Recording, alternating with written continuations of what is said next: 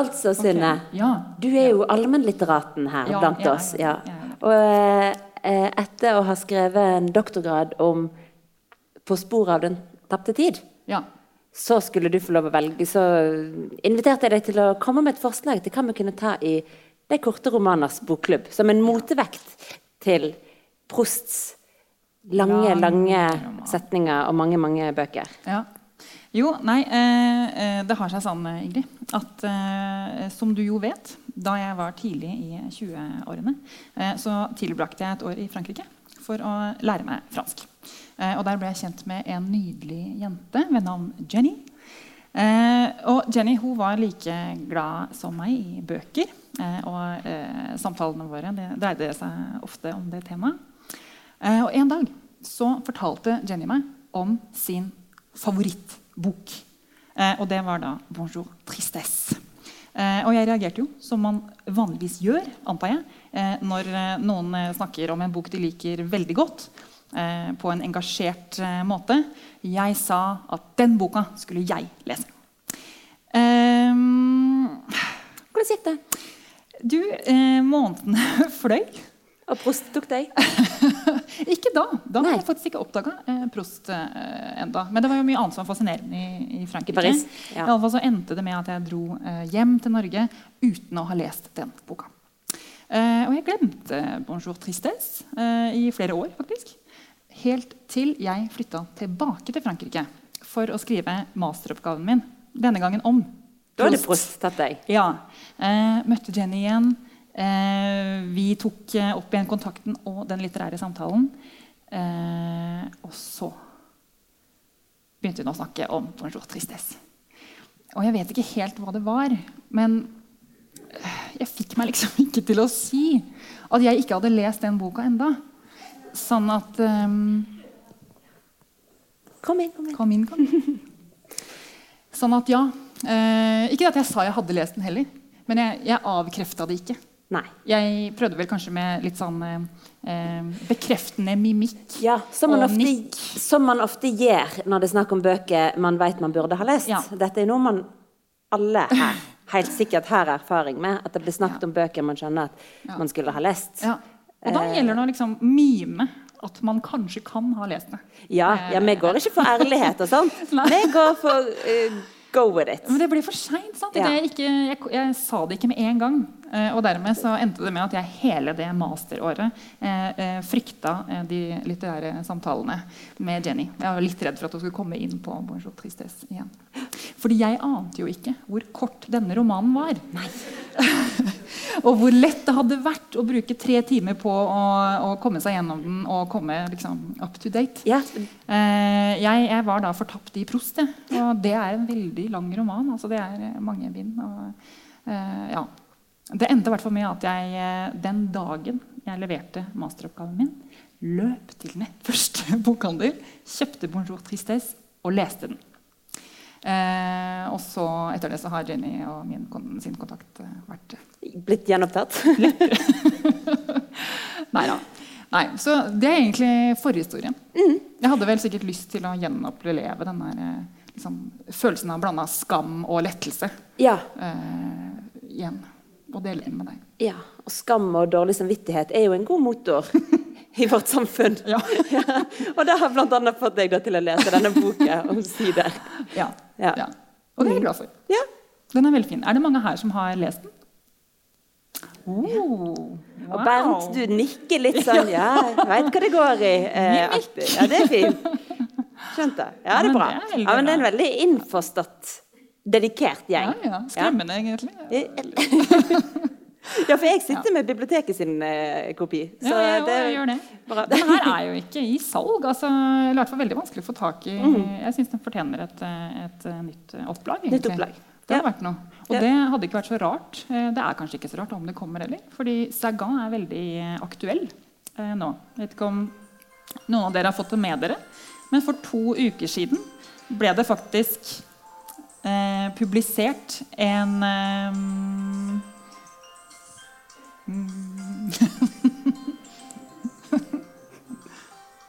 Ok.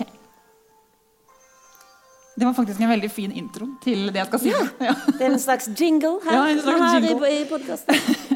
Nei, For to uker siden så ble det faktisk eh, publisert en hittil eh, ukjent eh, og ufullført da, eh, Sagan-roman. Eh, for eh, visste du det? Det er litt for meg. Eh, ja. Så jeg er ikke så veldig god på det der gå med det. Nei. Du er. Nei, for Sagan er jo død. Hun døde i 2007. Men eh, hennes eh, sønn fant et eh, manus som ikke, var altså, som ikke var fullført og ikke tidligere utgitt. Og det er nå ute. Så hun er helt aktuell. Så det er håp. Det er håp Ja. eh, for at denne eh, korte, gode romanen kommer på. Nettopp. Men det var det her med korte romaner, da, Ingrid. Og nå har yeah. jeg forklart hvorfor jeg valgte akkurat denne. Men uh, dette konseptet med korte romaner, kanskje vi skal si litt om det også? Hvorfor uh, vi tenkte at uh, korte romaner ville være et godt utgangspunkt for en bokklubb. Ja. Mm, det har jo noen praktiske sider. Eh, og for å begynne der, og Du kaller jo meg for pragmatisen, Ja. eh, så derfor begynner vi med de praktiske delene av det. Det er jo eh, formatet på en kort roman. Det er lettere altså Nå har vi en Knausgård-forsker her blant oss. Eh, Det er lettere å putte den her eh, i jakkelomma enn min Kamp 6. Er ikke du enig, Kjersti? Eh, så den, den, går liksom, den, går, den går inn i ei bergensk regnjakke. Eh, og ned i et kvart eh, lysebeige eh, handlenett. Eh, osv. så, så den er lett å ha med seg og lett å ta opp. Um, så det er en sånn helt praktisk bit av det. Det fins et par andre grunner eh, til at det er kjekt med korte romaner. Jeg er eh, sånn Sjangermessig eh, så er romanen min foretrekte sjanger. Versus lyrikk, eller Og faktisk versus novellen. Fordi at en kort roman grenser jo til Kan jo grense til novellesjangeren. Eh, men det jeg liker med romanen sammenlignet med novelle, eh, er jo at i en roman så har du ofte et, og sånn som denne òg viser oss, et mer sånn avslutta hel fortelling. Du slipper den der novellens åpenhet. Novellens plagsomme. novellens plagsomme eh, åpenhet eh, på slutten. Men det, det, blir på en måte Jeg syns ofte at romansjangeren og i sin kortform blir landa det narrative plottet på en litt annen måte enn eh, novelleteksten blir. Og det er tilfredsstillende. Jeg syns det. punktum, ja. Det er, er jo ikke det at det ikke finnes åpenhet i denne her romanen. Eh, sånn den er, men den er kompleks på andre måter, kanskje. Og så liker jeg, og Grunnen til at jeg liker romanen, er kanskje nettopp fordi at den bygger et helt sånt univers. Og da merker man med denne romanen eller den andre romanen at man blir Når man skal fortelle noe med litt sånn effektivt, som gjør det noe kanskje med måten det beskrives på, eh, personkarakteristikkene Altså man, man kan lukte furuskogen eh, og kjenne sanden mellom fingrene. Man ser liksom landskapet for seg. Effektivt fortalt i denne romanen. Så man kommer dit fort. Eh, Og så blir du ferdig fort. og så blir du ferdig fort. Ja. Og det er eh, For du har skrevet om 'Prost' som en lang roman, og jeg har jo jobba med 'Dansen gjennom skuggeheimen', som er Kristoffer Uppdals lange roman. Det er jo fantastiske bokverk eh, som man kan drive på og med og drive på i. Og store eh, lerret som blir spent opp. Eh, og her får du, eh, kommer du raskt inn og raskt ut igjen. og da syns jeg her er en veldig sånn appell. Du blir sånn, kommer fort til poenget. Eh, blir fort kjent med folk på en veldig sånn intens måte. Ja. Eller blir kjent med folk. Eh, romanpersoner er det jo. Ja. Ikke helt virkelige. Ikke helt virkelige, men uh, litt. Litt virkelige. Litt virkelige. Ja, da Litt virkelige. Litt virkelig. Altså det, Hva tenker du på, bare, du, jeg, jeg kom til å tenke på um, dette med navnet Sagan. Mm. Uh, og uh, Ja, for det er ikke hennes egentlige navn. Nei, det er Nei. ikke det. Uh, og, så det er bare assosiert der nå. Men eh, eh, Françoise Sagan het altså ikke Sagan i utgangspunktet. Hun het Françoise eh, Coiret, tror jeg. Eh, men da eh, hun skrev denne eh, eh, boka og fikk den antatt eh, som 19-åring, veldig ung, eh, så ble hun enig sammen med eh, sine foreldre og redaktøren om at det kunne være en god idé å kanskje velge et pseudonym. Eh, det kan hende at det har noe å gjøre med innholdet i denne eh, boka. å gjøre, og At det var litt sånn lett skandaløst eh, for tiden.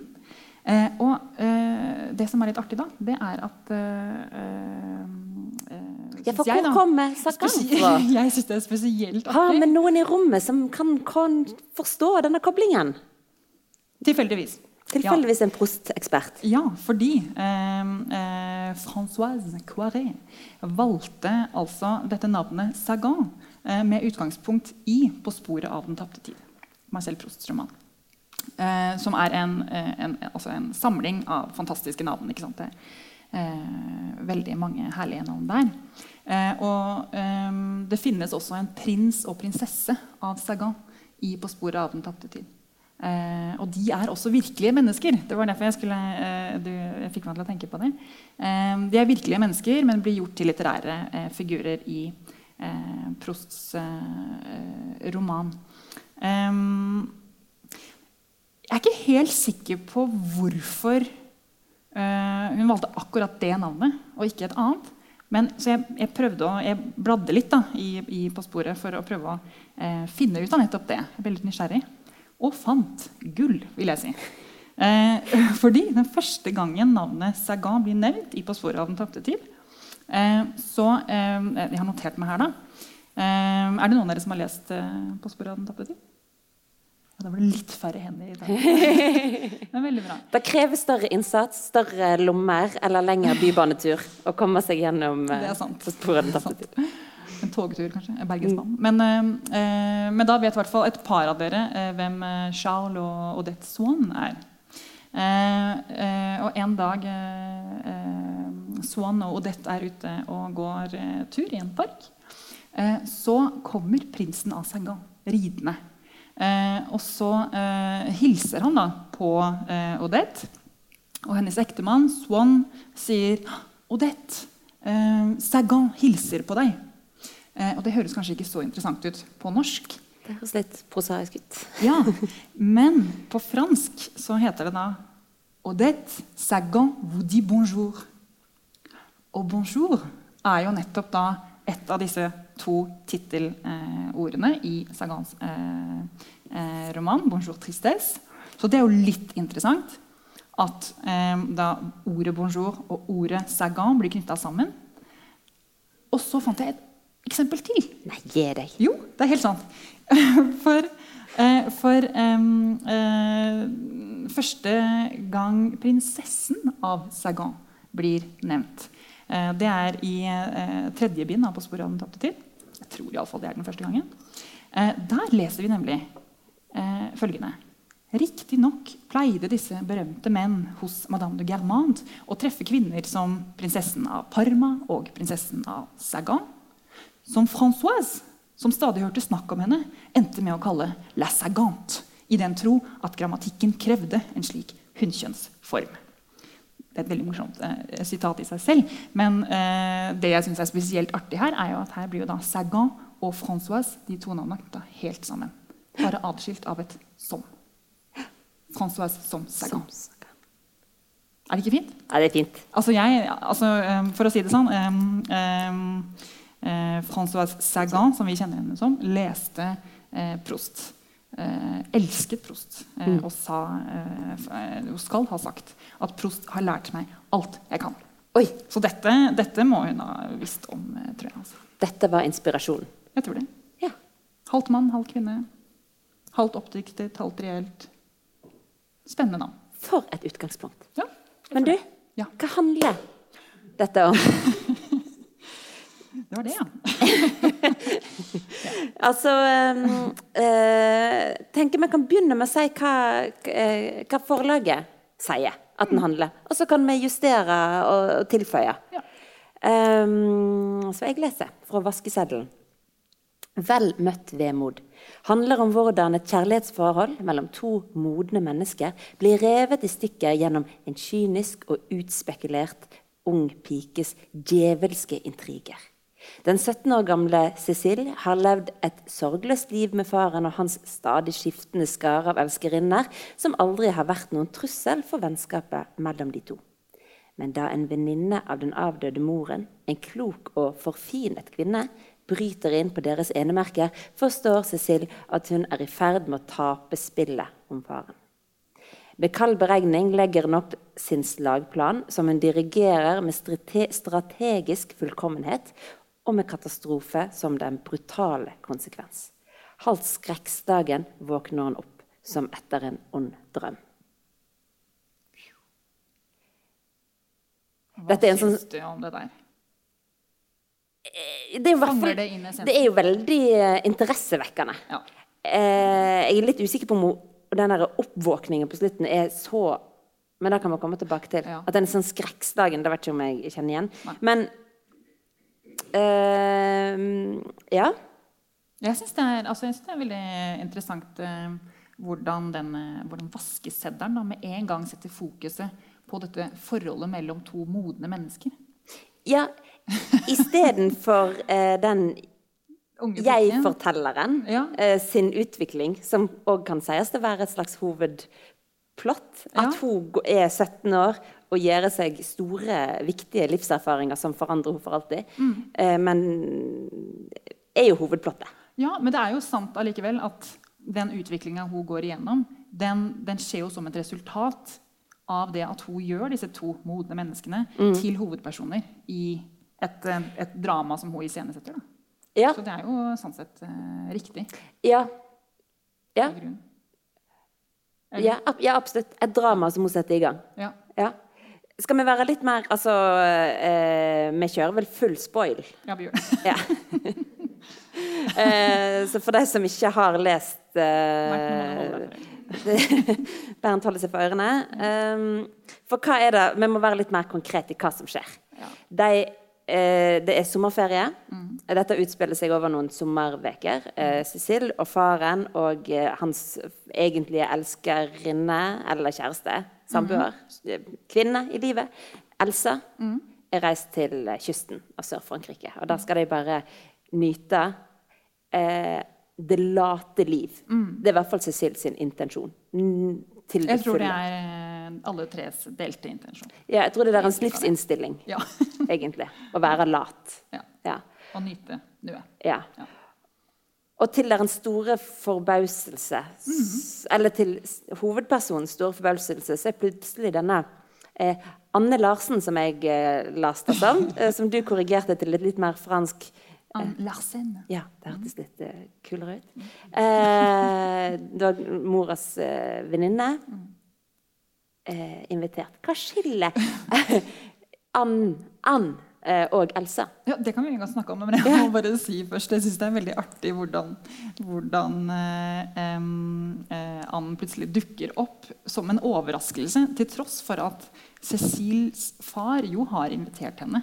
Men ja. det, det, kan jeg kjenne igjen litt. Du liksom inviterer noen. Inviterer, ja, kom da. Ja, ja og så plutselig så kommer de likevel. Ja, så kommer de. Ja. Det er jo litt overraskende. Ja, så, ja, det er bare hyggelig hvis de kommer. Å oh, ja, der er du. Ja. ja. plutselig hyssefullt. Men ja, ja. Syns det, den er litt sånn Skjer det ofte? Nei. Sånn herlig Kanskje når du er utenlands. Ja. ja, må bare komme på besøk til Frankrike. Ja. Bare koselig, da.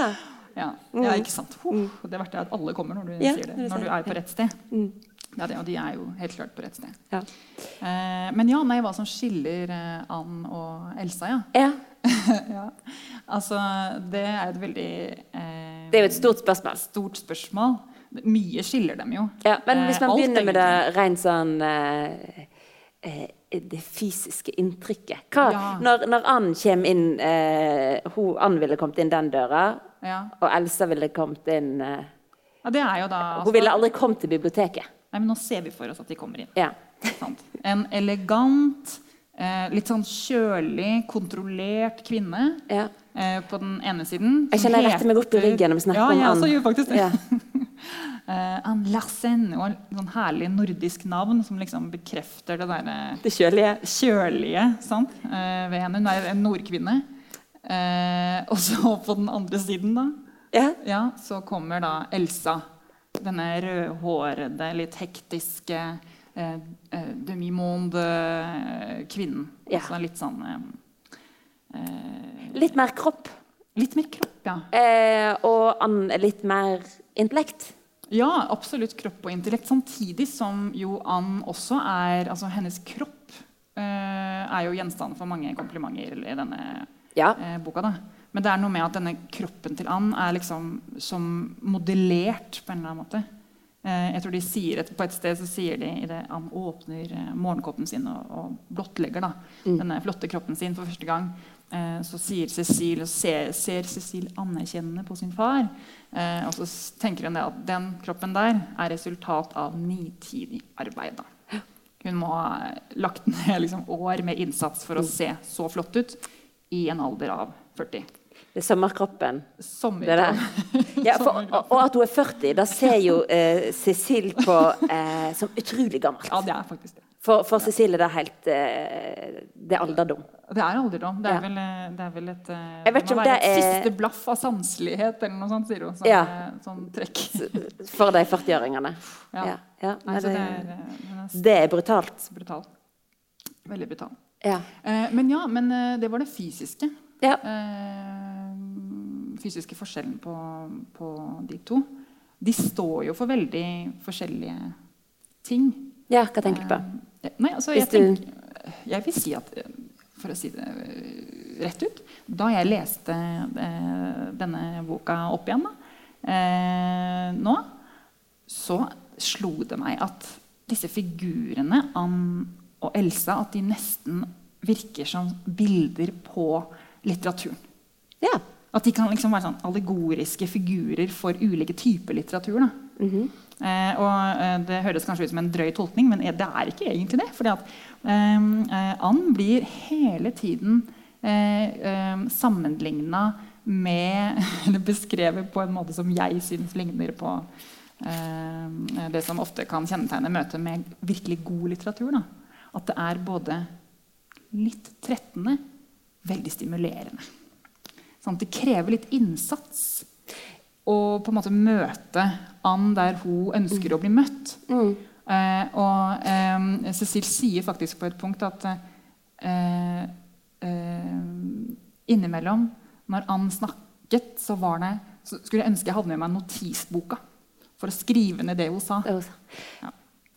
Men det det er en veldig god Hvis man sier at det er en beskrivelse av litteratur, det at Ja. god litteratur eller god kunst eller At det er litt trettende, det er egentlig eh, Ja, det, da skjønner jeg veldig godt hva du mener med. Ja, Eh, Og stimulerende. Eller er det, er det bare jeg som har følt på Altså, det? de beste bøkene jeg har lest, eh, har jeg syntes det har vært um, Ja?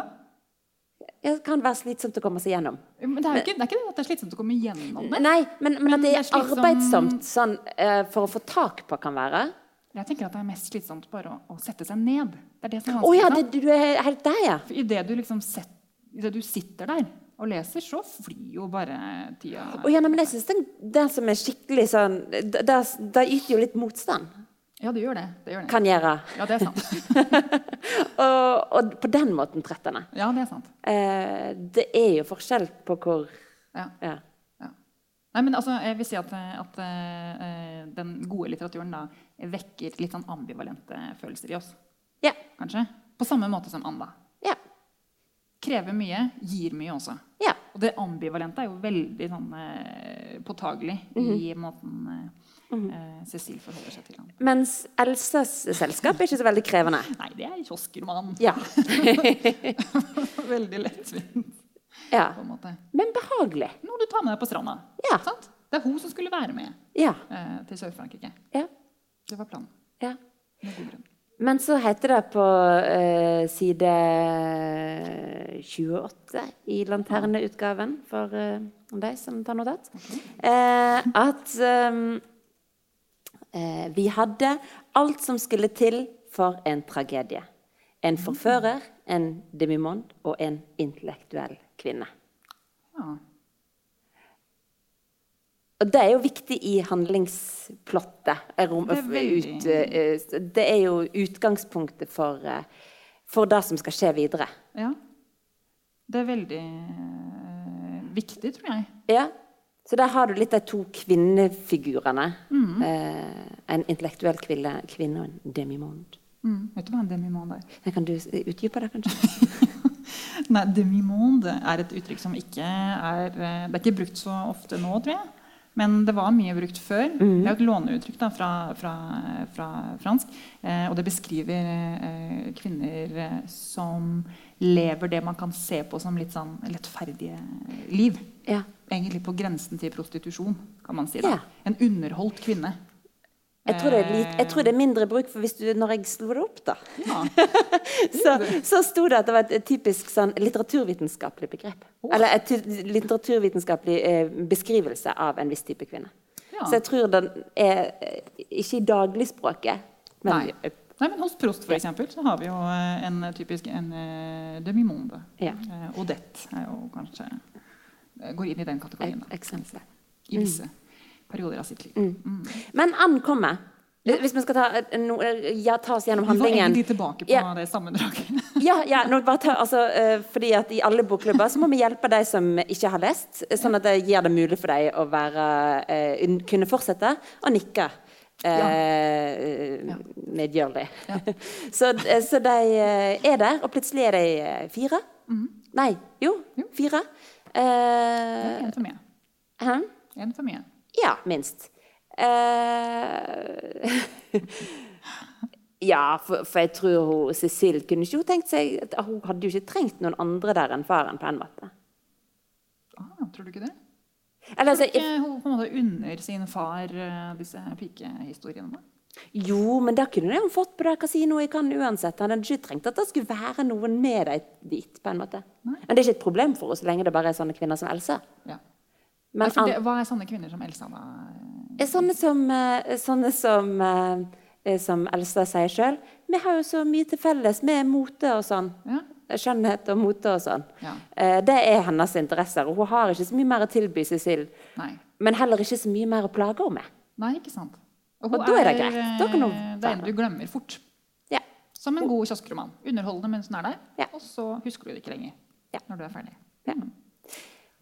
Ja. Men Ann Ja. kommer. ja. Og man som den observante leser, um, er med, så tenker vi eh, dette er trøbbel. Det er klart. det er klart. Eh, og de reiser da bl.a. til Cannes for å gå på kasino. Eh, kan jeg da, eh, og, og da plutselig så er, da kjører de to biler. Eh, og plutselig, etter de er kommet fram dit, og sånn, så, eh, så finner ikke Else denne eh, faren, mannen i historien, igjen. Og de ser heller ikke an. Hvor kan de være? Ja. Jo, de er på parkeringsplassen, i bilen. Eh, Ann og faren til Cecil.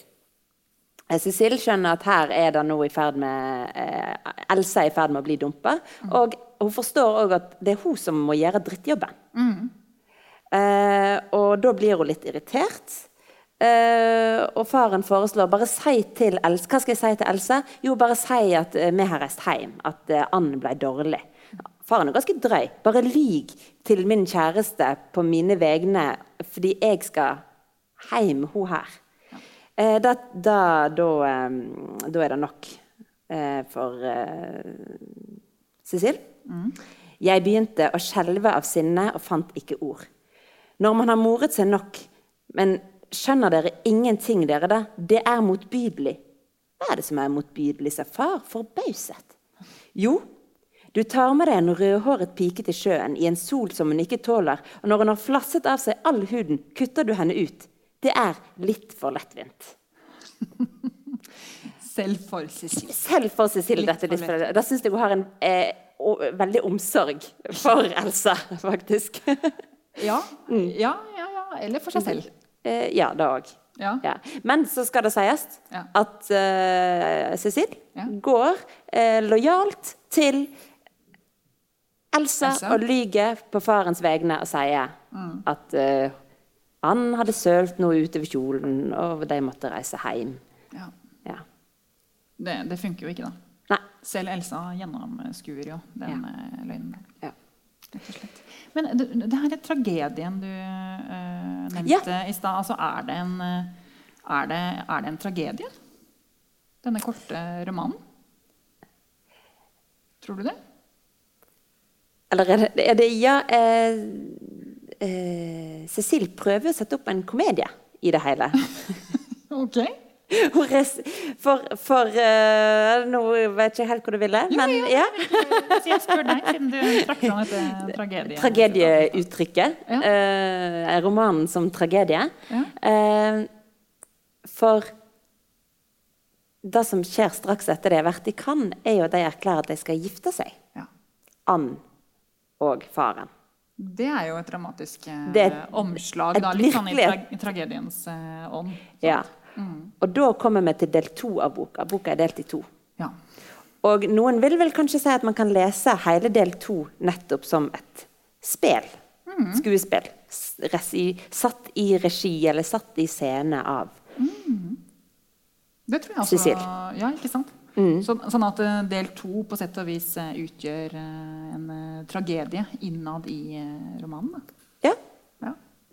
Jeg tror det kan være sant, men det er bare det at i tragediene Eh, eh, så er det jo stort sett eh, liksom gudene eller skjebnen eller et eller annet sånn noen sånn, sterkere krefter enn de menneskelige kreftene som får ansvaret for ulykken.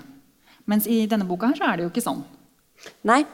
Her er det jo rett og slett denne her unge 17-årige jenta mm. som på sett og vis får altså ansvar, må ta ansvaret. Da. Ja, for hun, får, hun, blir ikke, ja, hun tar jo ansvaret.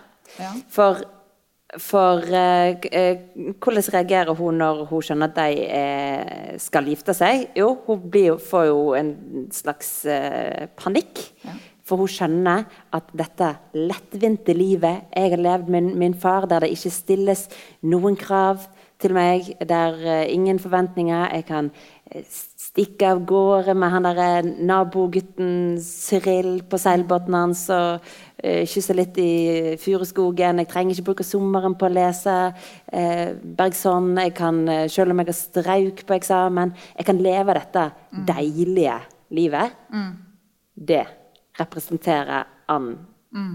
en motvekt til. Mm, en trussel mot, ja. Rett og slett en trussel mot. Det, det er veldig sant. Og jeg tror, det, er jo, det er jo eh, helt forferdelig, men uh, det er jo akkurat som om den uh, Det faktum at hun må studere, at yeah. hun må lese litt sånn vanskelig litteratur som yter litt motstand, da, Absolutt. apropos uh, and som en figur på litteraturen. Det er jo det, egentlig. Ja. Som, som, utløser hele denne tragedien. Det at hun blir tvunget til å lese bøker. Mm. Er det ikke det? Jo. Altså, jo, for da representerer jo bøkene det konforme ja. og det faste. Og det motsatte av latskap. Ja. Jo, det, kan, det, det er sant. Eh, jeg, bare, jeg oppdaga i stad da vi satt og forberedte oss, så fant jeg ut at um, Dette er den franske utgaven. Uh, og jeg fant ut at um, den norske uh, oversetteren har av ukjente grunner uh, foretatt en slags sensur, eller, eller muligens bare Eh, oversett, oversett en liten setning på slutten av, eh, av, første del. Da. For det er dit vi har kommet nå. På mm. slutten av første del, hvor eh, Cecil innser at eh, dersom han Ann blir eh, værende, så vil det føre til at hennes sorgløse liv med far er ved veis ende. Mm. Og da står det her i, i den franske originalen så står det eh, Min far og eh, Anne Og les deg for fransk. Du kan fortsette. Ja, ja, okay. Min far og Anne tidde stille. Eh, Ils avaient devant eux une nuit d'amour. J'avais Bergson. Oversatt De hadde for seg, foran seg en elskovsnatt. Jeg hadde Bergson. Det syns jeg er veldig fint. Og hvorfor dette er utelatt? Og Bergson er da en eh, fransk eh, filosof, filosof ja. eh, som yter kraftig motstand. Eh, eh, tatt fra en som har prøvd. Ja, ikke sant. Ikke sant. Eh, sånn at hun Ja. Det er den, altså det der, ja, jeg syns det var veldig, det er, veldig, veldig flott. Ja, Og veldig rart at ikke det er med i det norske. Det veldig rart at det ikke er med, for det er jo et Ja. så godt bilde på, på det som skjer. at Hun, eh, hun blir eh, tvunget til å eh, lese bøker og, og jobbe intellektuelt. Og Ja. det hun egentlig vil, er å gi seg hen i elskoven, akkurat som eh, sin far og, Ja. eh, og Anna. Ja. Absolutt, for Tidlig i romanen så heter det at det eneste da tenker hun med seg selv, det eneste faste i meg er um, i min karakter er trangen til glede og lykke. Det er den der litt sånn ungdommelige, lettvinte sjølbildet hun har uh, i starten. Og så legger hun til Men det kommer kanskje av at jeg ikke har lest nok. Som en sånn slags uttrykk for at jeg kanskje hun ikke har den erfaringen. Uh, og så er jeg enig med deg at det er jo hennes utvikling og kanskje bråmodning, eller eh, Ja, den der eh, ambivalensen som du sier, og motstand mot å være noe annet og yte noe annet. Eh, som kanskje er nettopp noe som eh, tittelen henspiller på. At hun åpner seg mot å ta imot andre typer følelser eh, og, og væremåter. Absolutt. Skal jeg lese for dere? Er det, vil dere høre et, eh, et eh, utdrag som setter lys på akkurat det her? Det er da fra åpningen i kapittel 1 i annen del. Um, det er merkelig hvor tydelig jeg husker allting fra da av. Jeg ble mer våken og oppmerksom, både overfor andre og meg selv. Jeg hadde alltid levd på en eh, medfødt umiddelbarhet og tankeløs egoisme. Og nå hadde disse dagene fått meg i opprør fordi jeg måtte tenke og se nøyere på hvordan jeg levde. Jeg gikk gjennom alle selvgranskingens sjelekvaler uten å komme til forståelse med meg selv av den grunn.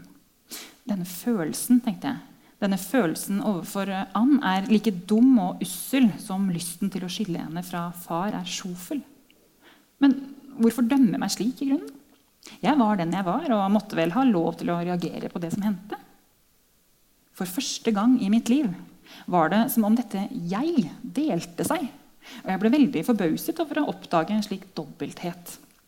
Jeg fant gode unnskyldninger og sa dem til meg selv, sikker på at jeg var ærlig og oppriktig. Og plutselig var det et annet jeg som dukket opp og benektet riktigheten av det jeg sa, og ropte til meg at jeg førte meg selv bak lyset, selv om argumentene mine virket aldri så troverdige. Men var det ikke denne andre som i virkeligheten narret meg? Og var ikke denne klarheten den største av alle feiltagelsene? I timevis sloss jeg med meg selv oppe på værelset for å finne ut med sikkerhet om det var noen grunn til denne frykten og fiendtligheten jeg kjente overfor han. Eller om jeg bare var en bortskjemt og egoistisk jentunge som på død og liv ville være selvstendig. Så det er jo akkurat ikke sant, eh, eh, det eh, som det settes fokus på her. Settes, settes scenen mm. for del to. Mm, absolutt. For da tar Cecilie en slags regi. Mm. for hvem kommer tilbake for å hente kofferten sin? Elsa. Det er vår gamle kjenning Elsa, eh, som ble dumpa i kasinoet. Og da nytter Cecil høvet til å narre henne inn på et plott. Hun blir nesten overraska ved sin egen evne til å eh, være utspekulert, men òg sin egen evne til å overbevise eh, Elsa og få henne med på et spill. Så der setter hun i scene et prosjekt der hun skal eh, Der de skal få eh, Elsa til å være i et liksom-forhold med Cyril, Cecils egen eh, sommerflørt. Eh, fordi at Cecil er da overbevist om at når faren ser denne rødhårede gamle flammen eh, bare Rett nok bare noen uker gammel flamme. Eh, attraktiv for en annen mann, vil han komme til å ville ha henne. Og da går eh, relasjonen med Ann i oppløsning. Men i, den der, i det møtet med, med Elsa, da, så det jeg syns er fascinerende der, når Elsa kommer tilbake og, og vil uh, hente koffertene sine, er jo det, det er også en sånn gjenstand for en sånn å, første gang-opplevelse for Cecil. Mm. For da opplever hun nettopp at hun er i stand til å trykke på nøyaktig de rette knappene. Mm. For å få Elsa til å gjøre eh, akkurat det hun vil. Hun sier noe sånt som at um, Nå hadde jeg plutselig fått øye på den vidunderlige mekanismen som heter menneskelig tenkeevne, og hele den makten som ligger i ord. Eh, det var første gang jeg kjente den merkelige gleden som det er ved å bore tvers gjennom et menneske, legge det åpent, trekke det fram i lyset og rammet det. Det var akkurat som om jeg hadde lagt fingeren forsiktig på avtrekkeren, forsøkt å sikte på noen, og avtrekkeren hadde gått av med en gang. Blikk. Så det er en sånn oppdagelse. Hun oppdager sine egne eh, manipulerende evner og sin egen evne til å, ja, til å forstå. Da. Mm. Og det finner hun veldig appellerende. Veldig, veldig appellerende. Skremmende appellerende. Mm. Mm. Og selv om hun her, allerede her legges det ut et hint om at dette kan ha død, altså Hun har her egentlig muligheten til å sette i gang noe som kan ha dødelige konsekvenser. Mm. er jo bildet som brukes. Mm. Og det er jo akkurat det det får. Mm. Eh, som er veldig interessant. Dødelige konsekvenser. Dødelige konsekvenser. Ja. Skal vi bare gå dit? vi, kan, vi kan gå til de dødelige konsekvensene. Absolutt. Ja. Eh, for til slutt går det som det må gå. Mm, I en tragedie. I en tragedie. Eh, faren klarer ikke å motstå eh, Ann. Eh, det gjør han heller ikke, men han klarer i hvert fall ikke motstå Elsa. Mm. Eh, og han oppdager dette. Eh, og hun ja, tar med seg stoltheten og setter seg i bilen og kjører derifra. Mm. Eh, og, og, hun kjører utfor veien i det eh, som ender med som ei dødsulykke. Mm. Og det oppfatter Cecil åpenbart som et selvmord. Og det, vet, det, det, gis jo ikke noen annen forklaring eh, sånn, i boka, at, men at det er i hvert fall åpenbart Cecils erfaring. Mm. Uh, det er klart. Mm. Det, det, har hun vel eh, all mulig grunn til også, kanskje? Ja. ja. ja det heter sånn Det var mange ulykker på den. Ja. Det, det, hadde vært seks uh, dødsulykker på akkurat uh, det stedet allerede ja. den sommeren. Ja. Og hva gjør det med de to? Som du er igjen? Det gjør jo, det, det gjør jo mye. Altså, jeg, jeg, er litt sånn ambivalent uh, apropos ambivalens til, til uh, slutten. Jeg syns den Som du, du sier altså, du, mener, du, tenker, Hvis jeg forstår det rett i stad, så mener mm. du at hele tittelen 'Vel møtt vemod' tyder på at opplevelsene den sommeren på en eller annen måte utvider eh, Cecils eh, følelsesregister og gjør henne til noe mer enn en glad ja. og lett. Eh, pike. Sant? At det eh, tilfører en viss dybde og, mm. eh, i, i følelseslivet. Åpne et nytt rom i henne. Et nytt rom ja. i henne, ja. Og det, det, det, gjør det jo egentlig. Men jeg, jeg synes, tenker alltid på den slutten at det, det går så raskt. Mm. Det tar en måned, og så er de liksom i gang igjen. Ja. Men ikke akkurat som før. Nei. Så hva er det som har uh, skjedd?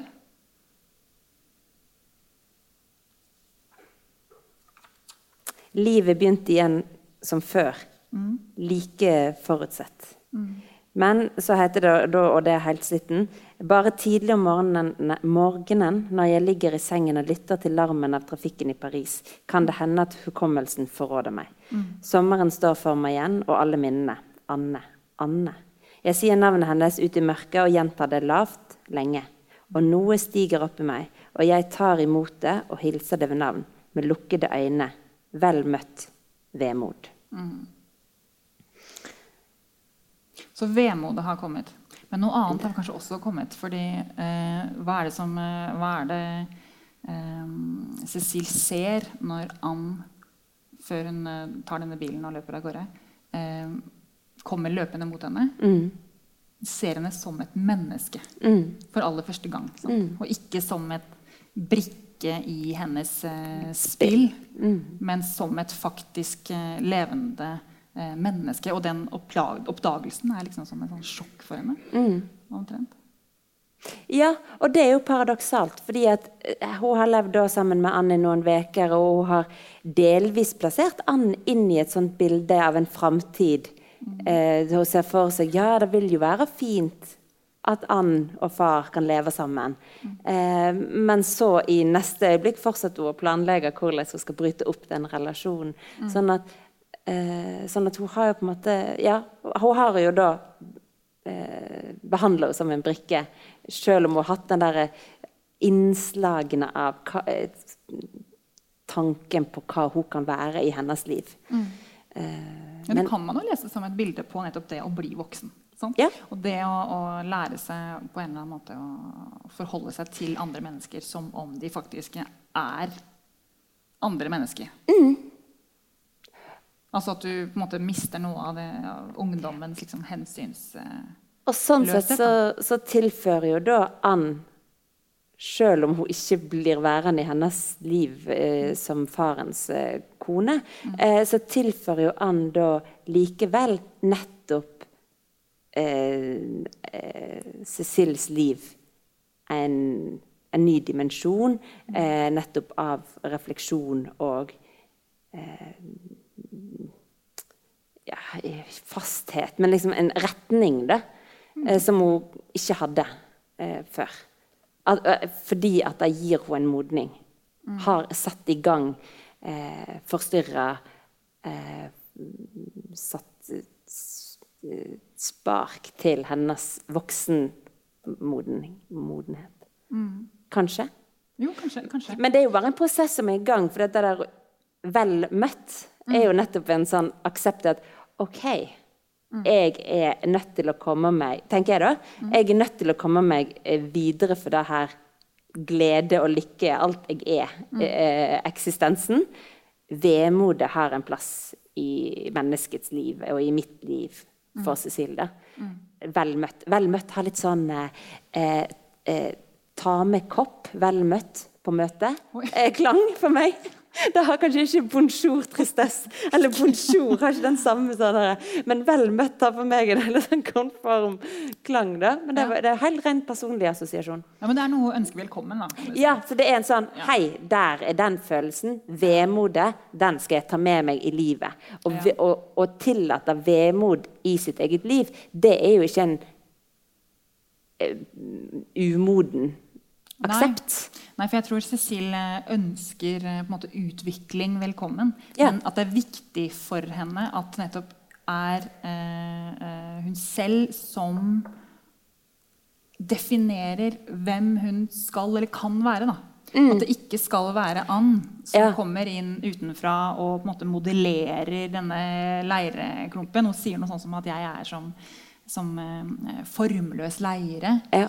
Eh, eh, og nå er jeg i hendene på Ann. Sant? Mm. Og det, det takler hun ikke. Fordi hun ønsker å selv være den som velger seg selv. Mm. Mens Ann står som en, sånn, en, en, en trussel om at noen andre skal komme inn og liksom definere hvem jeg skal være. Mm. Sant? Sånn at det er jo på en eller annen måte det hun gjør opprør mot. Mm. Denne, denne eh, voksne kvinna som kommer inn og skal definere veien videre. ja. For seg og for faren. Og Og for for deres eh, Han er jo det evige barnet. Da. Han er Ja. kanskje eh, bildet på ja, hva som skjer når man aldri forlater ungdommen. Eller? Ja, eller kanskje bare Ja, en, han er Ja. Et stort barn. Han er et stort barn. Eh, Men det er nok kanskje menn i tror det. Vet ikke. Varig, varig eh, midtlivskrise. Ja, jeg tror det. Men du, skal vi avrunde med noen favorittsitater? Eller eh, ikke Altså, har du noe, noen favoritt Nå går klokka mot sju. Eh, har du noen favoritter som du ikke har fått snakke om? Eh, Det var en ekstremt sitatvennlig bok. Ja, det er en veldig, veldig eh, sitatvennlig bok. Kan jeg ikke bare få lese akkurat det sitatet som jeg, eh, som, eh, Ja. jeg tenkte på nå når vi snakka om det med eh, å eh, bli voksen og selv få definere hvem man skal være som voksen? Eh, på slutten av eh, første del så eh, skriver eh, sier da Cecil at det hun eh, frykter å miste, det er friheten. Frihet til å tenke. Til å tenke galt og tenke lite. Frihet til å velge mitt liv selv. Til å velge meg selv. Jeg kan ikke si til å være meg selv, for jeg var ikke annet enn formbar leire. Og det en som nektet å ta form. Det liker jeg. Jeg likte veldig godt frihet til å tenke lite. Ja. Den friheten må vi jo for all del eh, Frihet til å ha litt Elsa i vårt liv, på en måte. Eh, men ja. ja.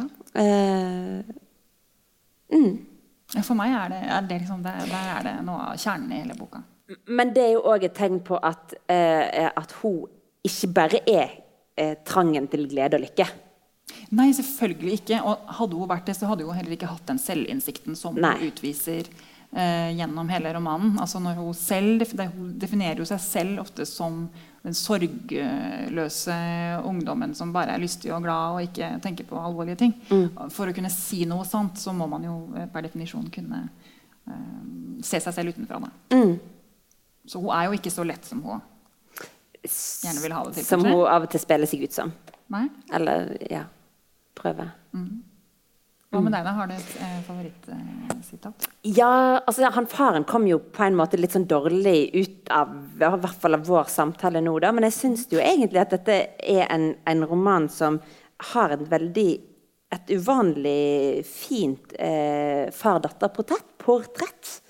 Eh, selv om det er mange ting som er litt merkelig der. Altså, det er jo fullstendig eh, utglidende sånn der eh, hva hun tar eh, del i av hans liv. F.eks. at jeg reiser til Cannes sammen på kasino, og den alkoholbruken og eh, den at han bare har nye kvinner hele tida uten noe omtanke for henne og sånn. Eh, men likevel så har det et veldig nært forhold uten at jeg på noe tidspunkt opplever det som sånn incestuøst eller problematisk i den retning. Eh, men men eh, det er, hun har vokst opp med han eh, uten sin mor. Og selv om hun har vært noen år på kostskole, så har de eh, et nært forhold. Og da syns jeg denne beskrivelsen viser. Um, far hadde trukket seg unna, han hatet den slags diskusjoner. På veien opp tok han hånden min og beholdt den i sin. Det var en fest, fast, trøstende hånd. Den hadde pusset nesen min da jeg, min, de, Den hadde pusset nesen min da jeg hadde min første kjærlighetssorg. Den hadde holdt hånden min når alt var fullkommen fred og lykke. Og den hadde trykket min stjålent når vi hadde hatt noe fore sammen og holdt på å sette til av latter.